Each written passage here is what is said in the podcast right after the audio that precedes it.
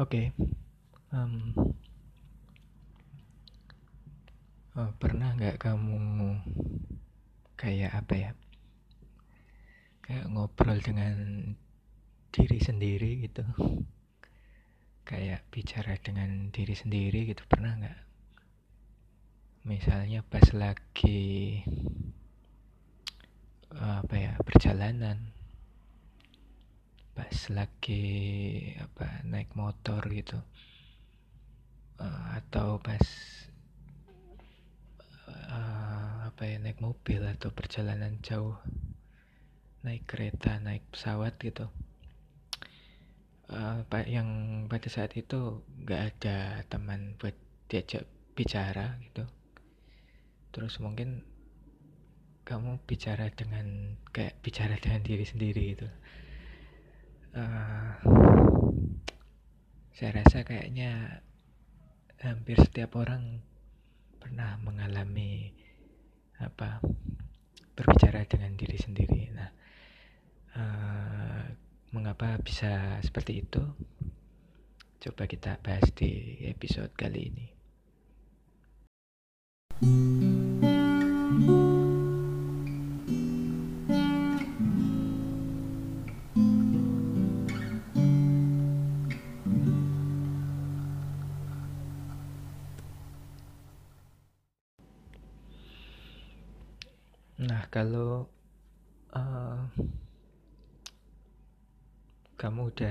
Baca uh, Sapiens yang ditulis oleh Yuval Noah Harari, mungkin kamu uh, apa ya tahu jawabannya. Kenapa kok kadang kita itu berbicara dengan diri sendiri gitu, berdialog dengan diri sendiri gitu. Kalau di Sapiens, di buku Sapiens dijelaskan oleh Harari bahwa uh, ya mungkin orang juga udah tahu sih yang membedakan manusia atau sapiens dengan makhluk lainnya adalah uh, Sapiens punya kemampuan untuk membuat mitos atau fiksi itu. Uh, kemudian dari mitos atau fiksi itu bisa mempengaruhi banyak orang atau banyak sapiens untuk melakukan sesuatu gitu. Bisa apa ya? Bisa kayak menggerakkan orang gitu. Misalnya produk dari uh, mitos itu ya dia menggunakan istilah itu ya menurut hari-hari ya uh, misalnya keyakinan uh, atau pada akhirnya agama misalnya. Uh, di zaman prasejarah itu kan uh, banyak apa namanya muncul animisme atau dinamisme itu kan kemudian mempengaruhi sapien untuk untuk apa ya bergerak bersama menjadi apa ya menjadi ya meskipun makhluk lain juga makhluk sosial misalnya kayak kayak apa ya yang yang yang tumbuh yang berkembang liar itu misalnya apa ya gajah misalnya atau ya mereka juga makhluk sosial. Cuman bedanya kalau sapiens mau bergerak bersama karena ada mitos yang dihasilkan gitu loh ada ada keyakinan yang yang dibuat oleh mungkin seseorang atau kelompok yang yang itu menggerakkan gitu loh. Uh, uh, apa ya kayak misalnya ketika mereka mengumpulkan makanan kemudian uh, kita harus kayak menyembah pohon itu misalnya karena itu yang akan melindungi kita gitu loh pada awalnya kan keyakinan ini muncul karena uh, manusia ini berkontemplasi gitu loh memikirkan uh, mungkin dia uh, apa kayak mengalami kejadian yang spiritual kemudian dia berpikir apakah di situ ada uh, apa ya ada makhluk atau ada ada sesuatu gitu yang kemudian itu kemudian itu kan prosesnya dia berpikir dalam diri sendiri gitu lah kontemplatif gitu. Kalau nggak salah aduh aku lupa istilahnya. Di studi komunikasi itu ada sih komunikasi di dalam diri sendiri atau komunikasi dengan Tuhan misalnya. Kalau nggak salah apa ya komunikasi interpersonal apa intrapersonal gitu. Kalau nggak salah ada sih istilah itu nanti coba buka lagi. Nah uh, awalnya kan mereka karena apa ya memikirkan itu di dalam dirinya sendiri gitu loh. Uh, kemudian akhirnya mereka menemukan oh mungkin di situ ada makhluk yang harus kita sembah misalnya dan itu diceritakan ke makhluk lain dan uh, dalam proses sosialisasinya mereka kemudian uh, terpengaruh untuk untuk apa ya kayak ikut menyembah atau ikut melakukan ritual uh, oh, se -se melakukan hal sama seperti yang misalnya satu orang tadi yang yang berkontemplasi kemudian membuat mitos atau membuat fiksi yang diikuti oleh banyak orang Nah, di zaman modern ini uh, selain ke keyakinan atau agama, mitos yang dibentuk kalau menurut Harari sih uh, salah satunya adalah atau salah banyaknya uh, perusahaan. Uh, itu kan hasil pemikiran gitu loh, perusahaan yang saham ini kan bukan sesuatu yang bisa dipegang bukan sesuatu yang nyata tapi orang-orang percaya. Dan apa namanya dan uang misalnya uang sebagai alat tukar itu kan juga uh, awalnya awalnya kan terbentuk karena mitos kan kemudian berkembang menjadi sesuatu yang bisa dipegang yang fisik gitu tapi tapi awalnya itu dibentuk oleh mitos gitu loh Nah sebenarnya lebih detailnya lebih baik baca sendiri sih ini. Soalnya akan panjang kalau dibahas di sini. Tapi intinya gitu. Uh, kenapa orang kayak berbicara dengan diri sendiri atau ngobrol dengan diri sendiri ya karena mereka awalnya menemui sesuatu yang baru kemudian uh, mereka berpikir gitu loh. Uh, oh ya dan uh, Harari wah ini hampir lupa saya.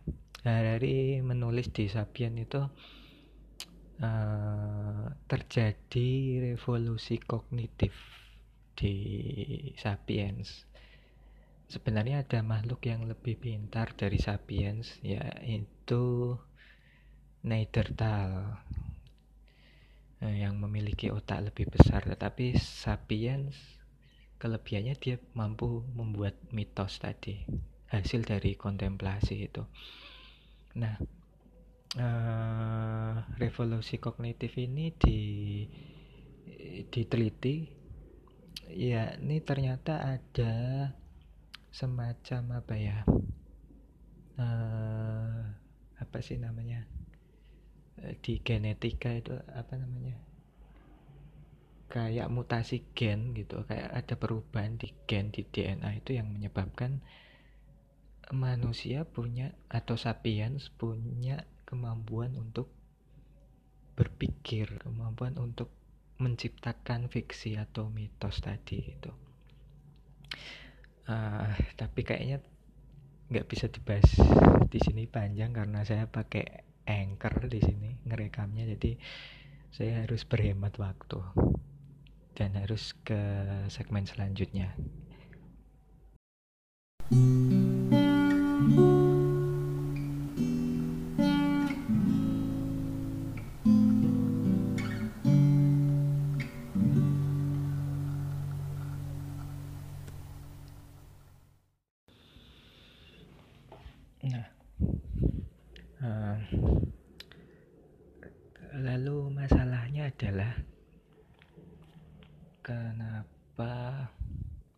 misalnya tiap orang punya kemampuan untuk ini ya untuk berbicara dengan diri sendiri dan menghasilkan mitos gitu. Uh, kenapa ada yang mudah terpengaruh dengan mitos yang dihasilkan oleh orang lain gitu kan? Uh, ya kalau dilihat dari awal mulanya yang misalnya jadi keyakinan kepercayaan atas apa benda atau animisme dinamisme itu ya muncul karena menurut saya karena pengalaman gitu. Uh, sapiens yang tadinya tidak punya pengalaman spiritual misalnya atau uh, bertemu dengan makhluk lain gitu.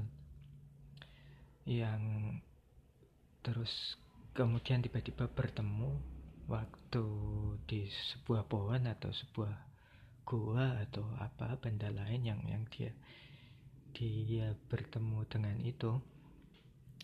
Kemudian ya karena tadi revolusi kognitif tadi uh, ada mutasi gen tadi dan dia punya kemampuan untuk berpikir berbicara dengan diri sendiri dan menghasilkan mitos yaitu karena karena ada pengalaman itu gitu loh. Nah menurut saya saat ini uh, untuk mendapatkan pengalaman masing-masing orang itu susah karena semua hal atau banyak hal banyak hal yang yang uh, mitos atau fiksi ini sudah banyak dihasilkan gitu loh. Dan kita tinggal kayak memakainya aja gitu loh. Berarti kan itu bukan pengalaman kita gitu kan. Uh, jadi apa namanya? Uh, kita tidak tidak akan punya waktu yang banyak untuk berkontemplasi atau ber berbicara dengan diri sendiri gitu karena semuanya udah tersedia atau banyak hal udah tersedia kita tidak perlu memikirkan itu lagi karena jawabannya udah ada gitu loh.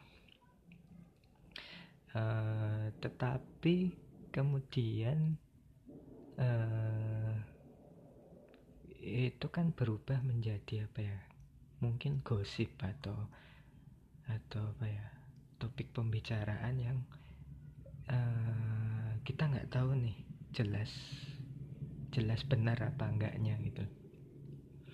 Kalau mau ambil contoh yang gampang aja ya misalnya uh, ya mau nggak mau saya harus ambil ini dua kubu politik di Indonesia ini ya.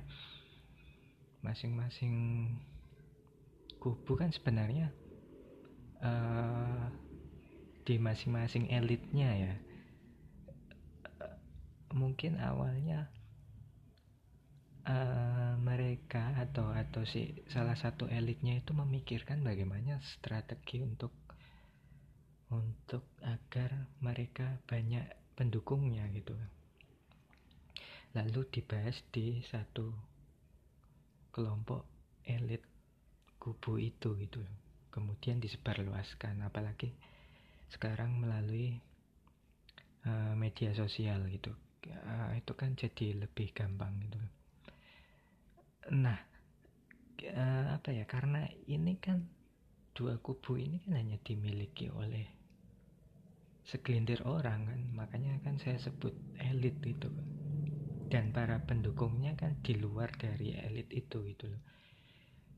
Uh, para pendukung ini kan yang akhirnya kayak apa ya mereka tidak punya pengalaman uh, untuk kayak membuat strategi biar kayak elitnya tadi membuat strategi untuk biar punya banyak pendukung. Ya mereka akhirnya cuman menerima aja menerima apa namanya uh, hasil dari mungkin hasil dari kontemplasi si elitnya tadi gitu loh. Ya, mitos atau fak eh mitos atau fiksi yang dihasilkan itu kemudian kan dipercaya oleh pendukungnya. Dan itu kan hasil dari si elitnya tadi gitu loh. Berbeda misalnya dari orang-orang yang mereka punya pengalaman sendiri uh, atas peristiwa yang yang apa ya kayak membuat ini tuh melawan gitu loh melawan entah itu pemerintahan atau oposisi gitu loh. Misalnya ketika mereka menemui apa ya kayak di film ini seksi killers di dokumenter itu. Iya ya sebenarnya nggak nggak cuman seksi killer sih banyak hal banyak apa ya konflik yang yang yang yang terjadi. Nggak nggak cuman tubara ya kalau yang di seksi killers itu mereka menemui langsung artinya kan menemui langsung itu kan sebuah pengalaman yang yang membuat orang itu berkontemplasi atau berbicara dengan diri sendiri atas apa yang dia lihat gitu loh. Ya sayang sekali orang-orang seperti itu tuh jumlahnya sangat sedikit kalau dibandingkan dengan dua kubu politik tadi gitu loh. Uh, ya kebetulan saya juga punya teman yang kalau di sini kan sebenarnya konfliknya yang yang yang teman saya juga apa perjuangkan itu kan yang di Bandara Kulon Progo. Dan uh, saya juga pernah ke sana melihat langsung ya ternyata memang ada konflik. Cuman sayang sekali bahwa bahwa apa ya pengalaman melihat langsung konflik itu kan orang yang yang yang maksudnya orang yang punya pengalaman untuk melihat itu kan sangat sedikit sebenarnya gitu loh. Iya ya apa namanya jadi wajar kalau orang tidak tidak apa orang yang yang punya pengalaman itu tidak akan dipercaya atau atau kalah dengan pendapat dua kubu politik yang yang sudah mereka memakai mitos yang dikeluarkan oleh uh, elitnya masing-masing gitu. Jadi mungkin seperti itu sih karena karena sebenarnya ya kita punya uh, kemampuan untuk berkontemplasi dan itu bisa didapatkan kalau punya pengalaman dan sekarang sangat sulit didapatkan karena ya semuanya atau hampir semua sudah tersedia dan kita tinggal memakai aja gitu loh. Dan banyak hal sih sebenarnya nggak nggak cuman konflik uh, tentang pembangunan aja atau tentang dua kubu politik ini. Kenapa saya memakai itu ya? Karena yang mudah diambil aja sih. Uh, ya kita ke segmen selanjutnya aja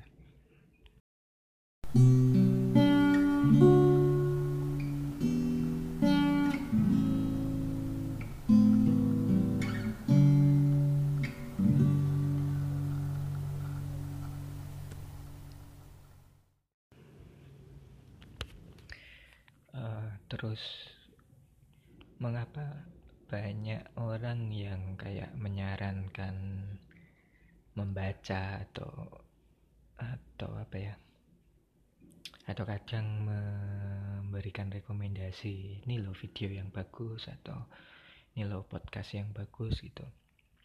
Ya karena sebenarnya itu tulisan atau karya yang lain adalah juga merupakan hasil kontemplasi. Atau mungkin itu adalah mitos atau fiksi yang dihasilkan dari kontemplasi itu gitu loh. Dan itu sebenarnya kayak kayak uh, kalau kita membuat apa tulisan atau buku itu itu kan uh, sebenarnya itu hasil kontemplasi yang digunakan untuk mempengaruhi orang lain kan sebenarnya. Hanya mungkin lebih mendalam gitu loh. Atau bisa dibilang uh, itu adalah pengalaman si penulis atau pembuat video atau podcast untuk apa ya pengalaman itu diberikan ke orang lain yang yang membaca atau mendengarkan atau melihat biar dia punya pengalaman yang sama gitu loh. Jadi karena hampir semua uh, apa ya itu sudah dihasilkan oleh oleh para pemikir uh, penulis atau pembuat uh, video atau karya lainnya karena uh, ya akhirnya kan seperti yang saya bilang tadi banyak orang yang punya kemampuan yang terbatas untuk untuk berkontemplasi karena mereka tinggal memakai gitu loh. Nah, tetapi di di sebuah tulisan atau buku saya kira akan le lebih mendalam ininya apa namanya uh, hasil kontemplasi dari si penulis atau si pembuat karya itu gitu. Uh, ya karena memang mereka pengen kayak apa ya kayak diikuti mungkin kayak ya kan kalau melihat dari awal awalnya bagaimana apa namanya dari revolusi kognitif kemudian bisa menciptakan mitos kemudian mempengaruhi orang itu kan sebenarnya juga agar punya pengikut gitu loh si pembuat mitos atau fiksi tadi itu.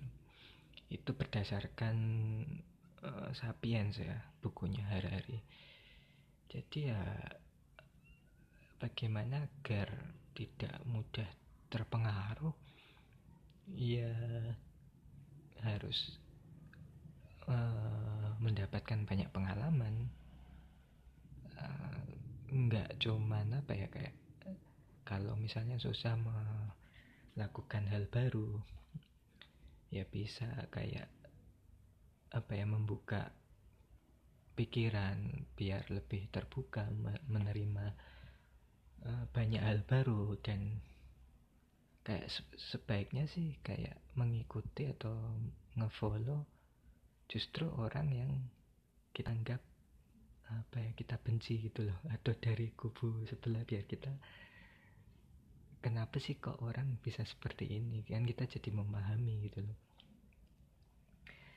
Uh, menurut saya ya apa namanya kalau kita bicara kenapa kok mudah terpengaruh ya karena mungkin kita tidak banyak pengalaman tidak tidak bisa melihat dari banyak sudut pandang gitu loh.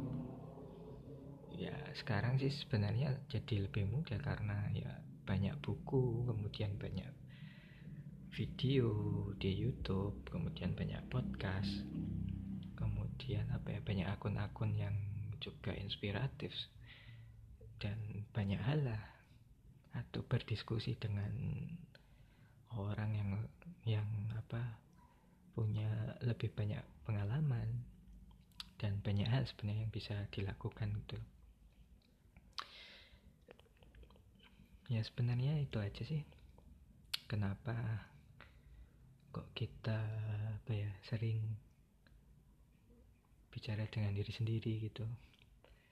Ya karena tadi udah dibahas sih karena apa ya mungkin itu juga cara kita untuk mencari sesuatu karena kita tidak punya pengalaman gitu kan tetapi kita sering buntu ya karena uh, belum mendapatkan pengalaman itu.